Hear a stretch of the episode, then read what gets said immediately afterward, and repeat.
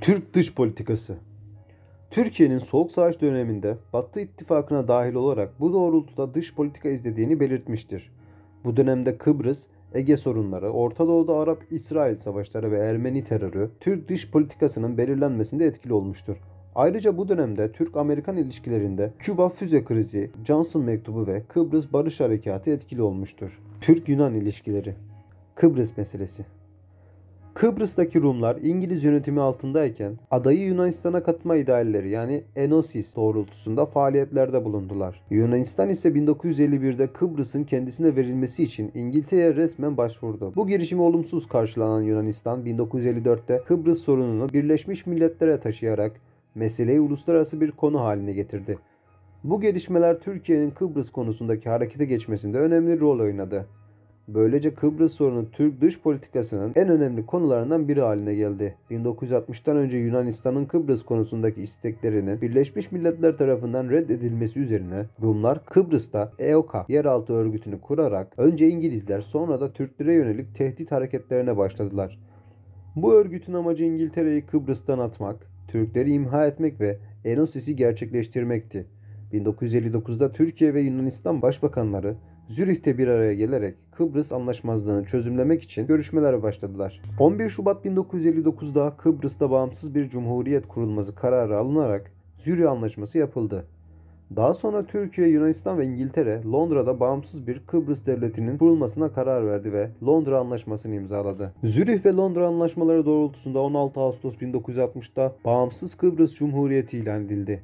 Cumhurbaşkanlığına Rum lider Makarios, yardımcılığına da Türk lider Doktor Fazıl Küçük getirildi. Kıbrıs'ta sağlanan barış ortamı uzun sürmedi. Yunanistan'ın asker ve silah göndererek desteklediği EOKA, Türklere karşı saldırı hareketlerine devam etti. Kıbrıs Türkleri de bu faaliyetlere 1955'te kurulan Türk Mukavemet Teşkilatı yani TMT vasıtasıyla karşı koymaya çalıştı.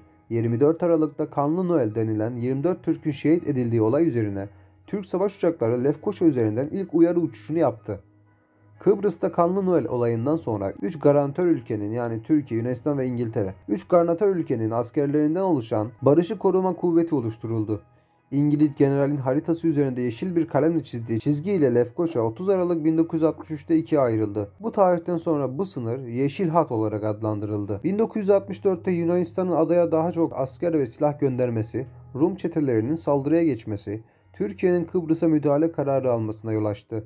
Ancak bu kararın uygulanmasını istemeyen ABD Başkanı Johnson yazdığı mektupla Türkiye'yi kararından vazgeçirmeye çalıştı. 1966 yılında ise Patris gazetesinde yayımlanan bir habere göre Türk halkının ani bir şekilde yok edilerek adanın Kıbrıs'a bağlanacağı Akritas planı ortaya çıktı. Ancak Enosis'in hemen gerçekleşmesini isteyen EOKA üyeleri Yunanistan'dan aldıkları destekle 15 Temmuz 1974'te Makarios'a karşı bir darbe gerçekleştirdi. EOKA üyeleri Nicholas Sampson'ı Cumhurbaşkanlığına getirirken Kıbrıs Ellen Cumhuriyeti'ni ilan ettiler. Türkiye oluşan bu ani gelişme sonrası darbenin Yunanistan müdahalesi olduğunu belirterek garanti anlaşmasının kendisine tanıdığı yetkiye dayanarak Enosis'e engel olmak adına barış yeniden kurmak ve bölgedeki Türklerin güvenliğini sağlamak amacıyla 20 Temmuz 1974'te Kıbrıs Barış Harekatı'nı başlattı.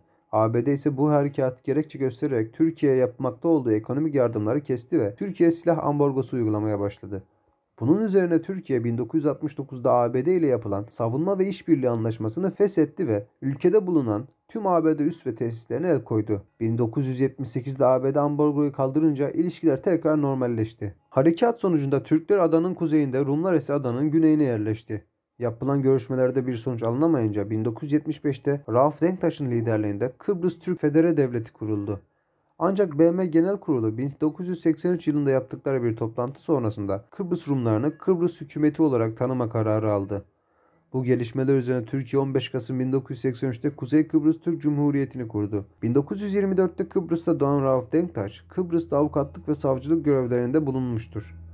1955'te EOK karşısında Türklerin direnişine yön veren Türk Mukavemet Teşkilatı'nı kurmuştur. Kendisi 1975'te Kıbrıs Türk Federe Devleti'nin başkanlığını ve 1983 yılında Kuzey Kıbrıs Türk Cumhuriyeti'nin Cumhurbaşkanı seçilmiştir. 13 Ocak 2012 tarihinde hayatını kaybetmiştir.